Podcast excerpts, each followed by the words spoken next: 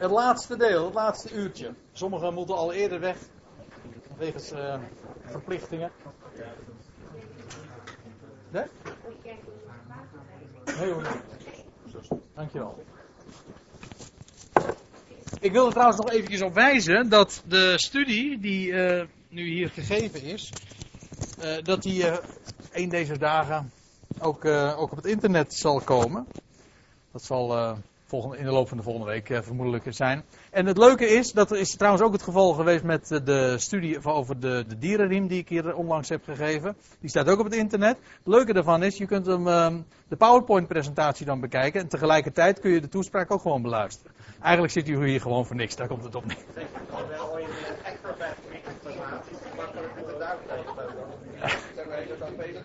Ja, nee, dat gaat heel goed hoor. Ja, ik denk dat het volgend jaar nog weer wat minder volgt. Nee hoor. Uh, maar uh, in elk geval, dus dat is op, mijn website. Ja, misschien ook nog. Dat, dat wordt een hele boeiende videofilm, Rijtje. ja. Dat is allemaal te vinden op www.goedbericht.nl. Voor degenen die dat nog niet wisten. Goed, nou het laatste deel. En uh, het wordt tijd om eens uh, conclusies te gaan trekken. Het is, het is natuurlijk sowieso een, heel groot onderwerp dat we toch al erg puntsgewijs en, uh, in volgevlucht moesten behandelen. Maar ik denk dat nu in deze derde la en laatste bijeenkomst is, ehm, dat het tijd wordt om ook eens gewoon heel puntsgewijs te zien van, ja, wat is nou, waar zitten nou de verschillen? De twaalf en, de Paul, en wat Paulus vertelde. En ik wil gewoon een aantal punten noemen. Een aantal zaken hebben we sowieso al bekeken, de meeste denk ik zelfs, maar om het nu eens eventjes samen te vatten. De twaalf, ze zijn geroepen door de Heer op aarde. Hm? Duidelijk. Hoef ik niet verder niet toe te lichten. Paulus, die is geroepen door de Heer vanuit de hemel. Dat is een heel opmerkelijk verschil. Je leest in Handelingen 9, en het geschiedde toen hij Damascus naderde, dat hem plotseling een licht uit de hemel omstraalde. Zoiets is de twaalf nooit overkomen. De twaalf, die kenden de Heer Jezus, dat hangt een beetje samen met het vorige punt, die kenden de Heer Jezus naar het vlees. Paulus kende Christus niet naar het vlees. En als hij hem al naar het vlees gekend zou hebben, dan zegt hij in 2 Korinthe 5, indien we Christus al naar het vlees gekend hebben, thans niet meer. Dat wil zeggen, hij predikte niet Jezus hier op aarde, zoals hij hier op aarde gehandeld heeft. Nee, hij predikt Christus, wie hij nu is, in de hemel, zijn glorie nu. En de wijze waarop wij nu ook met hem verbonden zijn. Hè, we zijn als hoofd en lichaam met hem verbonden, één gemaakt met hem. God ziet ons aan in hem, in de hemel, daarboven. Zo ziet God ons. Volmaakt. En bovendien ook in de, in de hoge positie, de, aller, de allerhoogste toppositie die hij heeft, die hebben wij, die delen wij als gelovigen van het lichaam met hem. Ja, nou zo predikte hij Christus. En, zo, en, dat, en daarmee dus ook ons. Want ons leven is met Christus in hem verborgen.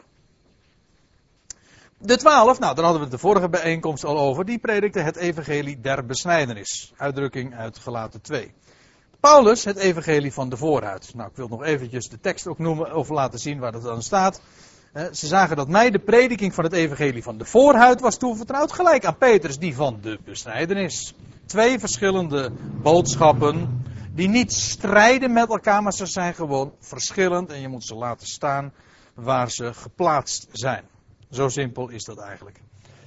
De twaalf zijn gericht op Israël. Dat blijkt alleen al uit het aantal natuurlijk, als je het hebt over twaalf.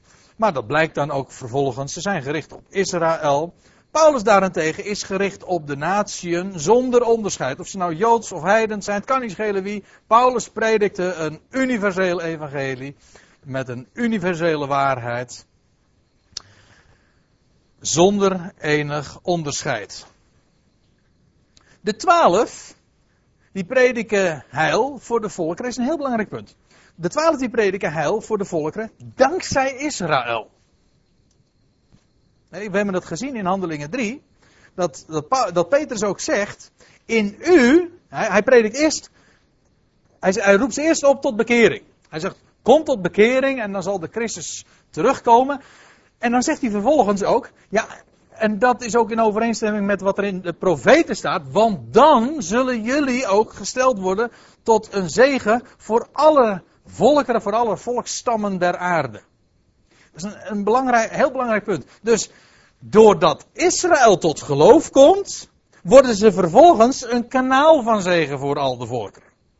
Dus dat predikte de heil. Het is dus niet zo van dat de twaalf zich alleen maar richten tot Israël exclusief. Ja, dat is tot op zekere hoogte het geval. Zij predikten ze inderdaad aan Israël, maar met het oog op dat als zij zich zouden bekeren, dat ze vervolgens op die wijze ook vervolgens naar de andere volkeren zouden gaan.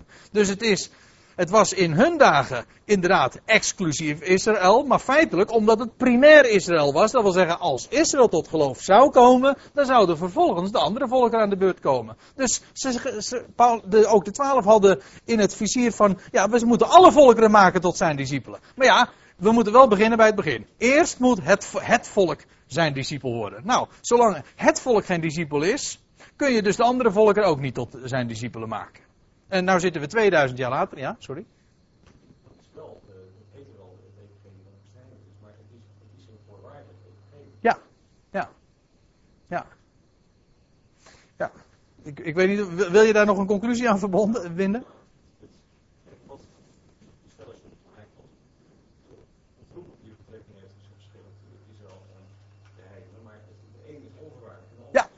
Absoluut. En daarom is de, de boodschap die Paulus verkondigde absoluut uh, uh, superieur, als ik het zo mag zeggen. En, van veel hoger orde als die van de twaalf. Hoe geweldig die van de twaalf ook is, maar het is inderdaad een, in wezen een aardse boodschap, ook voorwaardelijk. Paulus, uh, ja, en dat zie je ook, dat, dat komt dan ook meteen weer tot uitdrukking in, hun roeping, in, in zijn roeping al. Hè. Hij is geroepen vanuit de hemel, veel hoger dus. Hè. Zij zijn gewoon geroepen door de Heer hier op aarde. Hij, van een, van een, van dat is van letterlijk ook van een veel hoger orde, is hij geroepen door de Heer. En bovendien, hoe werd hij geroepen? Doordat hij de Heer zocht of zo, of doordat hij eerst al de Heer gevolgd had? Nee, helemaal niet. Integendeel, hij was een, een, een fanatieke tegenstander van de Heer. En juist, hij werd geroepen. En werd gewoon in zijn kladden gegrepen en zei, en nou ga je mij, niet als dwing, als dwang, eh, als dwang of zo. Nee, en God heeft gewoon de drive in hem gelegd. Van, uh, en, om die boodschap van, van, uh, van, van genade wereldwijd te gaan prediken. Maar dat is inderdaad universeel en bovendien ook onvoorwaardelijk. Eigenlijk moet ik het omkeren, want het is onvoorwaardelijk en daarom ook universeel. Het kent geen voorwaarden, geen limits. Hè? Absoluut. Ja, zeker. En daarom, uh, daarom, je kunt ze ook niet, ze zijn ook niet strijdig met elkaar. Hoewel ik erbij moet zeggen, ze liggen wel in elkaars verlengde natuurlijk. Hè? Want het is eigenlijk zo dat Saulus eigenlijk pas op het toneel komt op het moment dat de boodschap van de twaalf stuk loopt. Dat wil zeggen, eh, eh, gewoon niet succesvol blijkt. De twaalf waren geroepen om Israël tot bekering te brengen. Ik, zal, kom er straks nog even op terug. Nou, als dan blijkt dat Jeruzalem het gaat afwijzen en daar een enorme zware vervolging aanbreekt, dan komt, Saulus op de, dan komt Saulus op het toneel. En dan zie je ook, en dan pak ik meteen weer de draad van de, deze dia op. De, de, de twaalf die prediken heil, absoluut voor de volkeren. Dat is waar. Maar Dankzij Israël. Eerst Israël tot, wordt tot discipel gemaakt van de Heer. En dan vervolgens alle andere volkeren tot zijn discipelen maken. En nou zijn we 2000 jaar later en er is nog een enkel volk tot zijn discipel geworden. Terwijl we al zo lang die grote opdracht, weet je wel, bezig geweest zijn en die zendingsopdracht vervulden. En werkt niet. Maar dat, de Heer is, de is momenteel ook bezig met een heel ander programmapunt. En dat werkt wel. En dat is, hij verzamelt uit de volkeren een volk voor zijn naam. Dat is wat hij nu aan het doen is. Ook uit Israël, precies. Want nu, en dat is namelijk, dat is de grap, als ik het, dus, als ik het zo even oneerbiedig mag zeggen. Want Israël is nou gewoon officieel nog gewoon helemaal verstrooid onder de natieën. En uh, dat betekent, zij worden gewoon, gewoon gerekend tot de heidenen. Het onderscheid bestaat domweg helemaal niet. En in die, hè? Precies, de tussenmuur is afgebroken waar uh, Paulus dan over spreekt in Titus 2. Dat is trouwens ook letterlijk zo, hè, want in die dagen van handelingen stond de tussenmuur er letterlijk nog. Het refereert namelijk aan die muur in de tempel. Toen stond sowieso de tempel er nog. En, maar die tempel is, nadat Paulus de, uiteindelijk ook de, de, de finishing touch, zeg maar, daar uh, heeft, hoe zeg je dat nou? Ja, dat heb je als je van die Engelse woorden doorheen gaat gooien. Dan weet je nu hoe je het me af moet maken. Hè? Toen, toen hij de boodschap gewoon uh, gecompleteerd heeft, het woord van God gecompleteerd heeft, ook daar kom ik straks nog even op terug. Toen hij dat gedaan had, toen um, een paar jaar later is de tempel ook met de grond gelijk gemaakt en, en, en is Israël daadwerkelijk helemaal verstrooid onder de volkeren en was er ook geen sprake meer van een Joodse staat. Nu leven we aan het einde van, weer van zeg maar, de huidige bedeling en nu vinden, is er weer sprake van een Joodse staat, maar nog steeds trouwens van geen tempel. Hoe dan ook, Israël is verstrooid onder de natie en uh, momenteel is, geldt er maar één boodschap en dat is het evangelie van de voorhuid dat die universele boodschap die Paulus als leermeester verkondigde. Paulus die predikt ook heil voor de volkeren. Maar niet dankzij Israël, maar juist ondanks Israël. Niet omdat Israël zich bekeerd heeft. Nou ja, nu heeft, is, is dat project zeg maar geslaagd. En nu gaan we vervolgens verder naar, plan, naar niet plan B. Nou, nu gaan we vervolgens verder naar fase B. Nee, integendeel. Israël verwerpt de boodschap en juist daardoor zegt, eh, ging Paulus naar de heidenen. Dat was voor de, de twaalf was dat ondenkbaar. Toen Jeruzalem de boodschap verwierp, eh, een en andermaal, toen zijn ze vervolgens naar de Joden eh, elders in het land gegaan. En, en vervolgens toen het daar verworpen werd, gingen ze, maar, hebben ze wereldwijd gepredikt. Maar ze hebben uitsluitend aan, de, aan, de, aan, aan uh, het volk van Israël gepredikt. Overal. Maar alleen in Israël. En Paulus die ging juist naar de natieën, juist vanwege de val van Israël. Hij zegt dat ook, hè? In Romeinen 11. We hebben dat al eerder gezien. Door hun val is het heil tot de heidenen gekomen. Ziet u het? Dat is, dit is een, wel een heel karakteristiek verschil. Bij de twaalf was het zo. Via een hersteld Israël gaat het heil naar de volkeren. Bij Paulus is het juist zo. Door het ongeloof van Israël. En om, om die reden gaat het heil naar de volkeren. Een heel cruciaal verschil. De twaalf zijn geroepen om Israël tot bekering te brengen.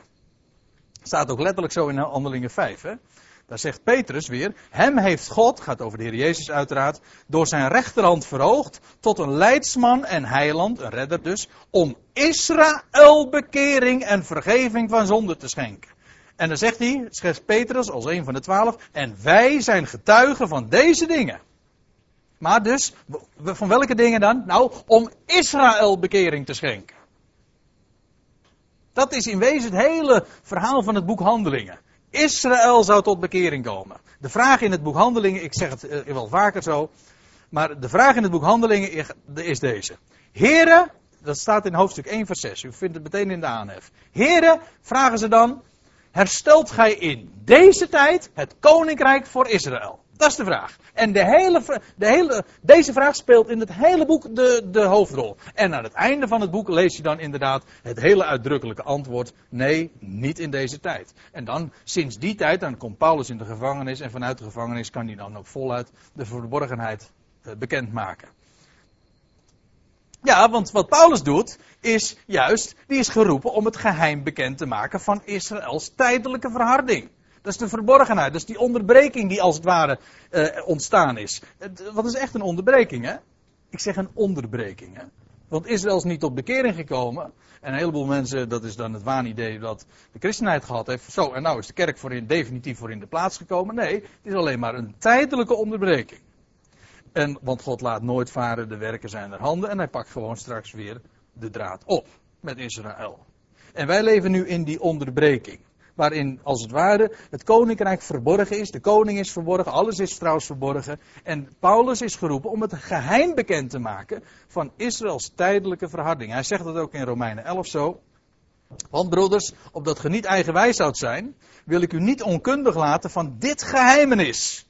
Dat is hem bekendgemaakt. Een gedeeltelijke verharding is over Israël gekomen, totdat de volheid der heidenen binnengaat. Dat wil zeggen, het, uh, het is gelimiteerd in de tijd. Uiteindelijk komt daar een eind over. Uh, een, uh, een tijd aan. Ja, een eind aan. En het is een. Eh, de, ja, het wordt, het wordt wat later in de dag. Hè. Dan ga je zulke versprekingen maken. Maar dat, heeft dus dat geheimenis heeft te maken met de verharding die over Israël, gedeeltelijk, want er zijn natuurlijk wel degelijk ook gelovigen onder hen.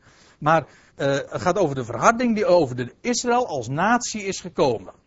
Waardoor er inderdaad een onderbreking is gekomen. En het geheim van die onderbreking, waardoor het heil als het ware een omweg gaat maken. Dus waar God als het ware Israël terzijde zet als natie. En zich gaat wenden tot de natie. Tot de heidenwereld. Nou, en het geheim daarvan, dat mag Paulus vertellen. De twaalf, die zijn heel uitdrukkelijk gezonden om te dopen. En dat lees je in Matthäus 28. Gaat heen, maak al de volkeren tot mijn discipelen en doopt. Kent u, hè? Zegt Paulus, deed, deed Paulus ook die grote opdracht? We laten hem weer zelf even aan het woord. Nee, zegt hij. In 1 Korinthe 1, Christus heeft mij niet gezonden om te dopen. Maar om het evangelie, namelijk van de voorhuid, te verkondigen. Waarin rituelen sowieso geen enkele rol spelen. Nou, er zou een hoop over te zeggen zijn, doe ik nu niet. Ik wil u alleen maar even gewoon uh, de dingen laten zien. Ja. De Heer heeft heel, de heeft heel dik gezegd, vele eerste zullen de laatste zijn. Ja. Slaat het ook daarop? Uh, ik denk dat het uiteindelijk ook daaraan refereert, ja. Want uh, Israël was, ge, was bedoeld als het, als het eerste volk dat zou, ge, dat zou de, de, de discipel van de eerste uh, van, van, zou zijn. Maar uiteindelijk worden ze, moeten ze achteraan aansluiten. Dat wil zeggen, in deze tijd. Tot ziens hoor, een goede reis. Dag hoor. Mensen die weer teruggaan naar uh, Enschede, nee. Ja, die moeten nog een hele reis. Gezonde om te dopen, Paulus niet gezonde om te dopen. Ja, nou ja, ik, ik, krachtiger kan ik het niet zeggen. Dus waarom zou ik daar verder nog wat aan toevoegen? Uh, de twaalf, we hebben dat gezien, waren ijveraars der wet. Alle trouwens. Al hun volgelingen, al die tienduizenden. Allen staat er, zijn ze ijveraars der wet. Ja, handeling 21. Kan niet missen. Paulus ook? Nee, bij, bij de apostel der heidenen spelen de gebruiken van de wet geen rol. Het is, hij zegt het heel kras in Filippi 3. Daar zegt hij, uh, hij zegt ja, eh, in, uh, in vers 5 geloof ik dat dat dan is van dit hoofdstuk. Daar zegt hij van, ja, ik ben een, Breer, een Hebreeër uit de Hebreeën op de achtste dag besneden, de stam van Benjamin. En dan zegt hij, naar de gerechtigheid der wet, onberispelijk. Ja, zo'n man was het hoor. Dat is een zelfbewuste man. Maar, zegt hij, alles wat mij winst was. Alles waar hij zich op beroemde. Hij zegt, ik had het verder geschopt dan al mijn tijdgenoten in het, in het Jodendom. Het was een man die, die, een zeer, als hij verder was gegaan, het was nog een hele jonge kerel, als hij verder was gegaan, zo een briljante student, een briljante geleerde, had een, een toppositie in het Jodendom kunnen bereiken. Dat had hij al als jonge kerel zelfs ook. Hij zat ook aan de voeten van de meest vooraanstaande rabbi in die dagen, Gamaliel. Nou, hij zegt, en, maar alles wat mij winst was, waar ik, mij, waar ik mij op beroemde. Hij zegt, ik heb het om Christus wil schade geacht. Het speelde geen rol. Natuurlijk, om pragmatische redenen was hij de Jood en een Jood en een Griek en een Griek. En maakte die, paste hij zich gewoon aan zijn omgeving. Niet als een soort van, soort van onverschilligheid of als een soort van... Uh, uh, van, vanwege het compromis of zo dat hij, uh, waar, waar Paulus gemakkelijk toe te bewegen was. Integendeel. Want Paulus deed het alles ter wille van het evangelie. Daar ging het hem om. En dan was de leefwijze volstrekt on, onverschillig. Dat maakte het niet uit. Het ging erom om, om mensen te winnen voor het evangelie, om het evangelie te vertellen en om dat uit te leven. Kijk, dat is een mooi voorbeeld, nietwaar? Maar het gaat me er nu eventjes om. Bij Paulus spelen die gebruiken de wet absoluut geen rol meer. Zie je het verschil? Dat kan niet missen? De twaalf die hebben uitzicht op de komende aion. komende aionen zou ik misschien moeten zeggen, waarin Christus zal heersen.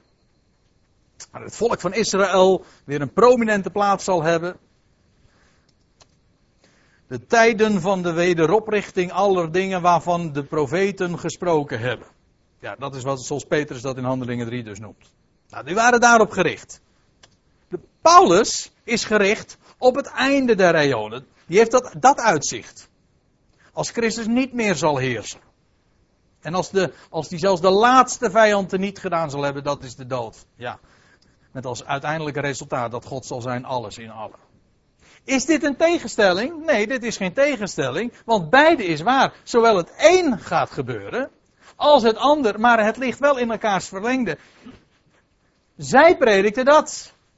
Paulus predikte dat. Kijk, dat is voorwaardelijk. Daar eh, in, zo in die aion gelden inderdaad nog voorwaarden. Wie gelooft, die zal eraan deel hebben. Wie niet gelooft, we hebben zelfs gezien dat uh, voor Israël wordt, staat er zelfs, en het zal geschieden dat een ieder die niet luistert naar de woorden van deze profeet, we hebben het gelezen, die zal worden uitgeroeid uit het volk. Volstrekt voorwaardelijk is dat. God zei alles in alles, dat is onvoorwaardelijk. Kan niet anders, want anders zou het geen alle geweest zijn. Daar staat namelijk God zelf garant voor. Ziet u? Dat is het verschil. En, en vandaar ook dat die twee uiteindelijk, als ze samenkomen, elkaar moeilijk verdragen. Dat is echt zo. Daarom kwam Paulus ook liever niet in Jeruzalem. Het is uiteindelijk ook zijn dood geworden. Dat hij daar in Jeruzalem uh, terecht kwam. En toen is hij gevangen genomen. Ja.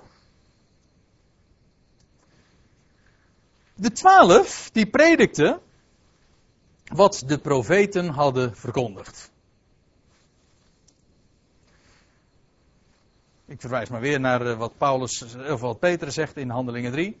En al de profeten van Samuel af en vervolgens, zoveel al, en vervolgens zoveel er hebben gesproken, die hebben ook deze dagen aangekondigd. Die eh, ze vertelden wat er in de profeten stond geschreven en wat de profeten hadden voorzegd en wat, wat er in die dagen ook waar zou worden, wat vervuld zou worden. Kortom, gewoon waarheid die volstrekt in overeenstemming is met wat de profeten naar voren hadden gebracht. Paulus predikte wat verborgen, wat verborgen was bij de profeten. We hebben trouwens dit, dit schriftgedeelte hebben we al een keertje eerder onder ogen gezien. Maar ik wil u nu eens wat nog wat duidelijker laten zien. Hij zegt in Romeinen 16, hij spreekt over mijn evangelie. Nou, we hebben, dat is op zich al een eye-opener. Wat aangeeft dat dat inderdaad van een, een andere orde is.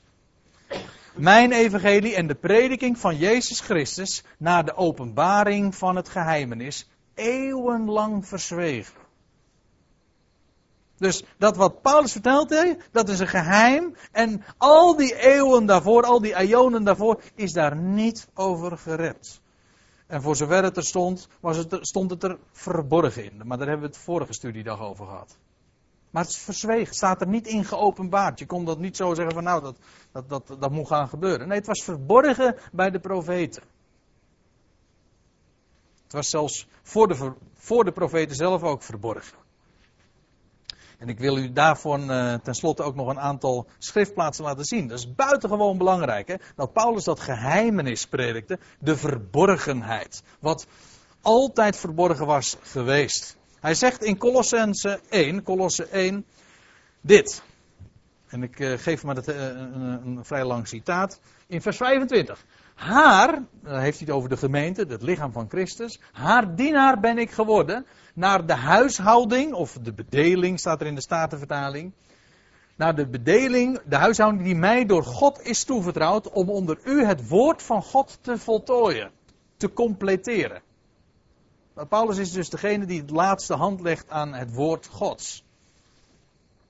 Ik wil daar trouwens het komende seizoen graag nog eens een keertje een speciale avond aan, uh, aan, aan wijden.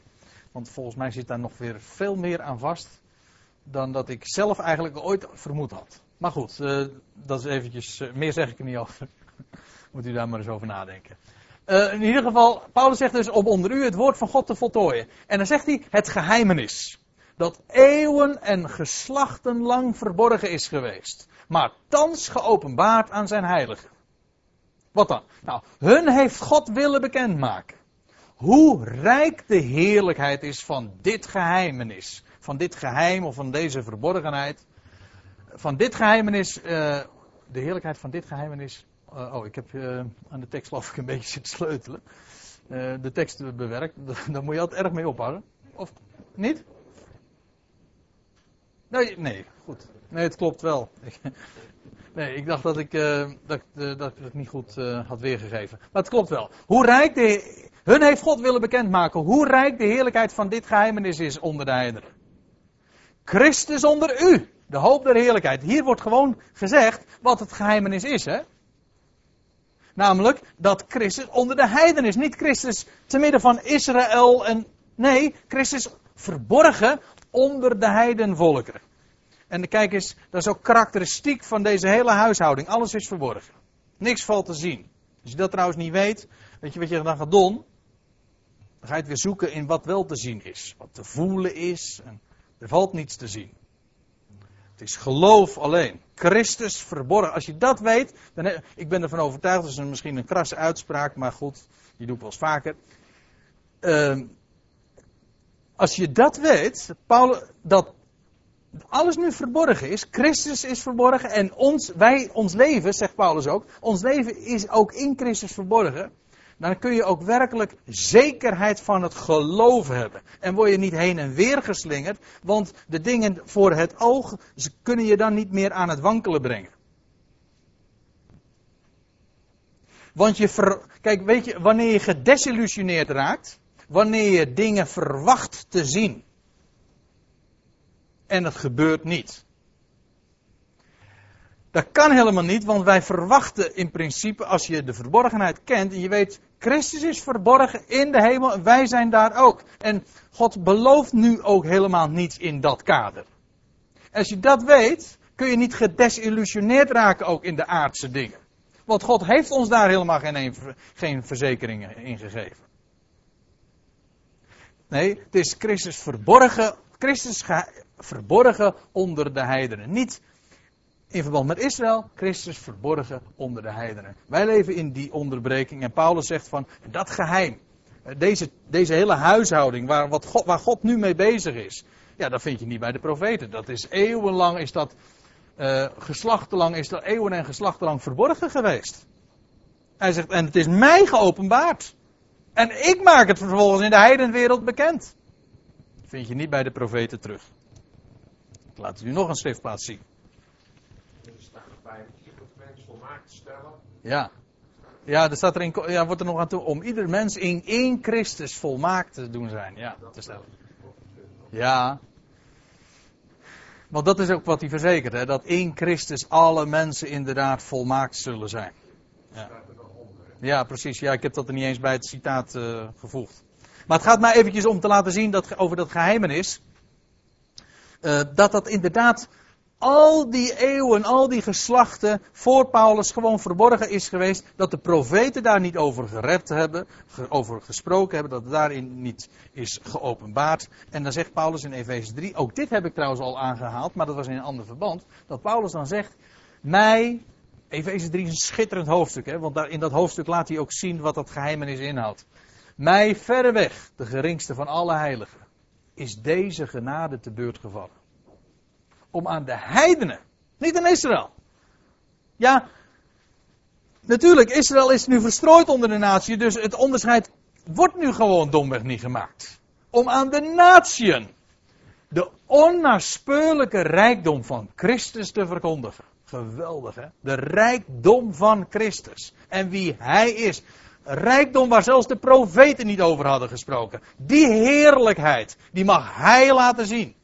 Hoe geweldig Christus is. En daar zit trouwens ook nog weer bij de waarheid dat wij in Christus zijn. Dat wil zeggen dat hij het hoofd is, wij het, liggen, wij het lichaam. Wij zijn als, als gemeente, als je dus in wezen, het komt erop neer dat als je leest in, de, in het Oude Testament, als je leest in de profeten over de Christus, dan kun je gewoon daar de gemeente bij betrekken. Die is daarmee verbonden.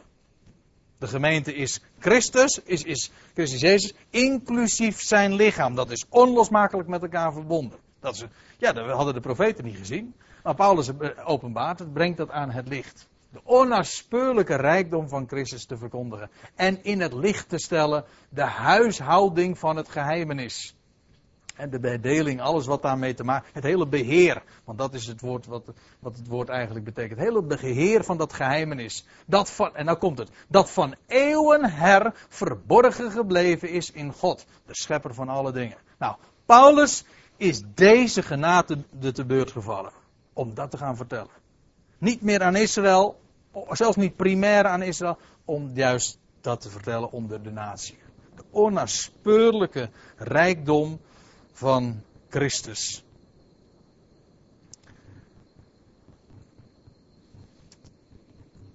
En dan wil ik ten slotte Ja, het, eh, het schiet eigenlijk wel op. Dat heb je met zo'n uh, zo'n dia-voorstelling.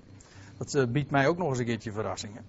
Maar wil ik verwijzen naar een, een heel opmerkelijke schriftplaats.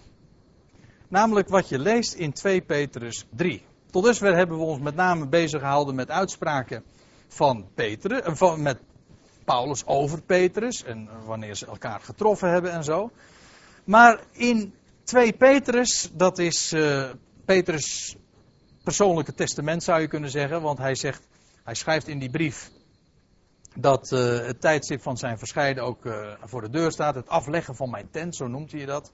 Dat is voor de deur. Dat staat voor de deur. En uh, Petrus zal spoedig gaan sterven en dan aan het einde van zijn leven dan spreekt hij uh, nog een aantal hele markante, uh, brengt hij nog een aantal heel markante dingen naar voren. En dan waarschuwt hij ook. En dan waarschuwt hij ook over, voor, de, voor de Joodse opstand. Hij spreekt erover in het tweede hoofdstuk van zijn laatste brief. De Joodse opstand die vlak voor het jaar 70 zou uitbreken.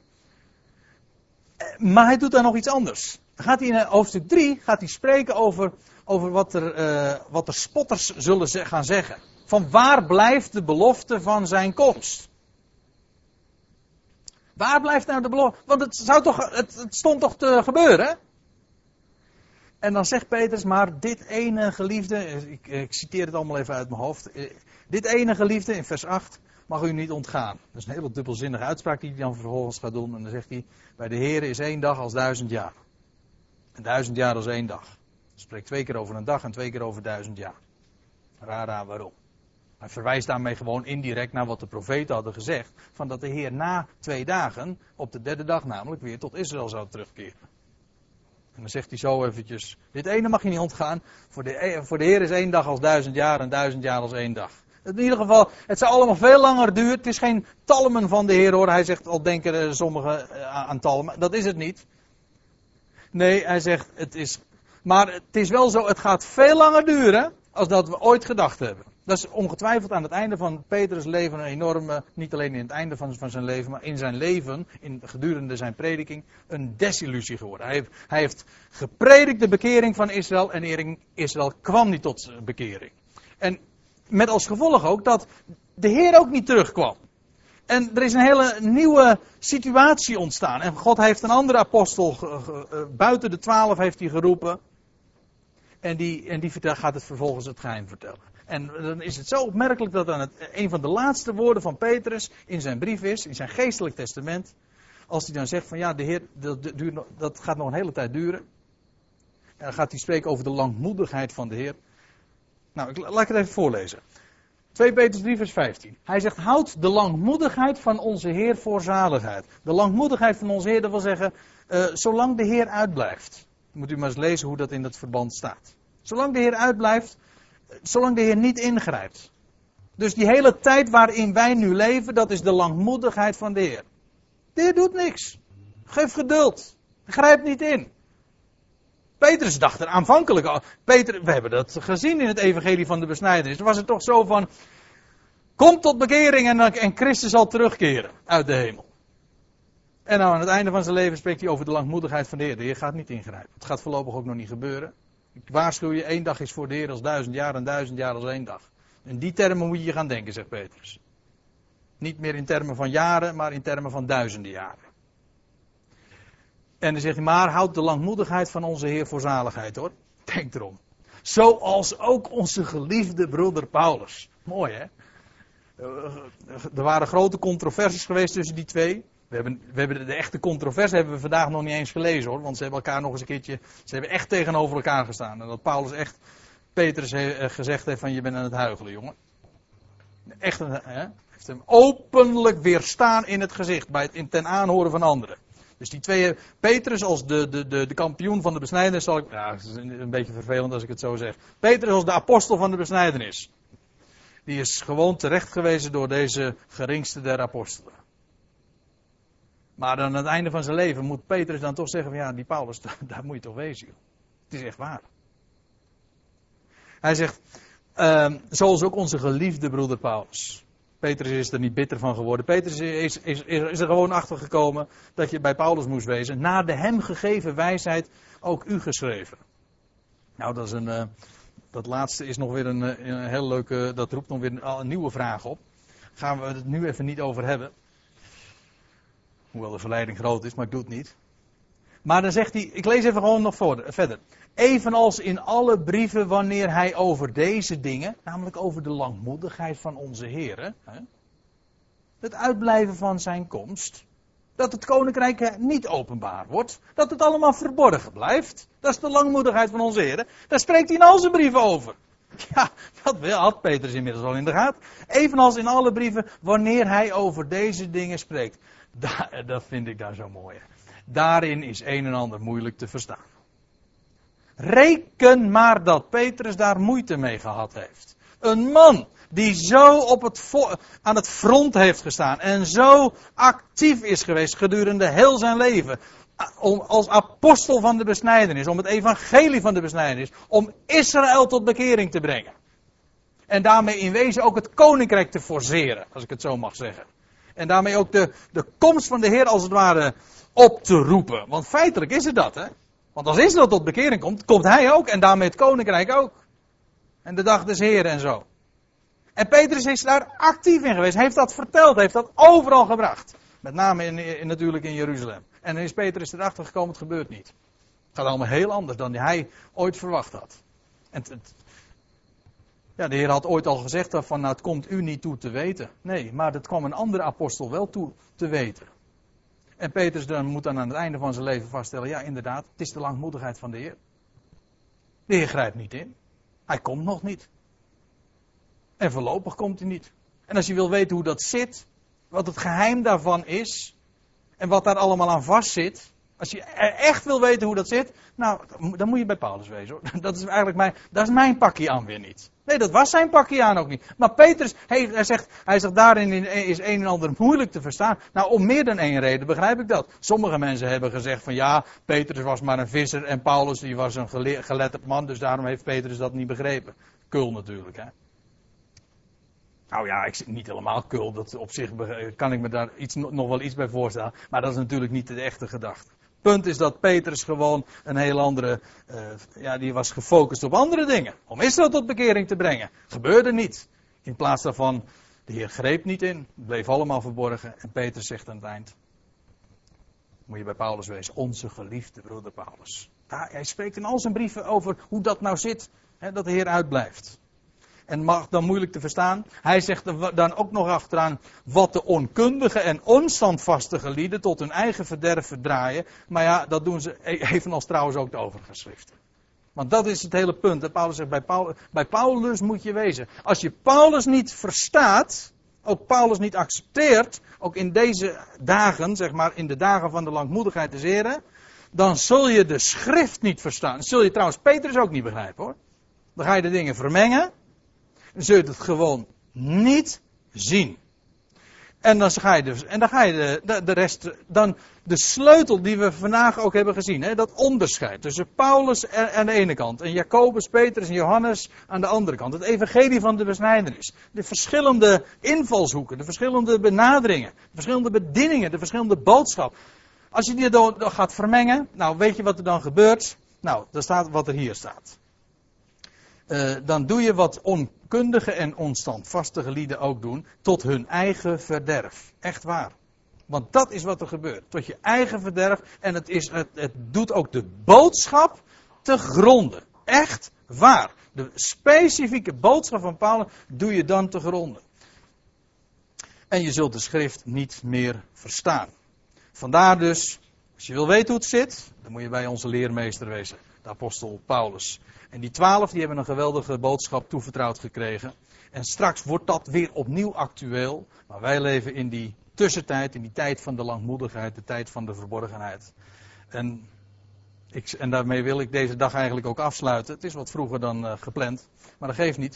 Het is prachtig weer buiten, dus we kunnen daar straks lekker ook uh, buiten nog uh, met elkaar over praten. Maar als je wil weten hoe het zit, moet je gewoon bij onze geliefde broeder Paulus wezen. En die heeft in al zijn brieven over deze geweldige dingen gesproken. Nou, dat lijkt me een mooie manier om deze dag, deze samenkomst, af te sluiten. Ja. En ik stel voor dat we met elkaar nog een lied zingen.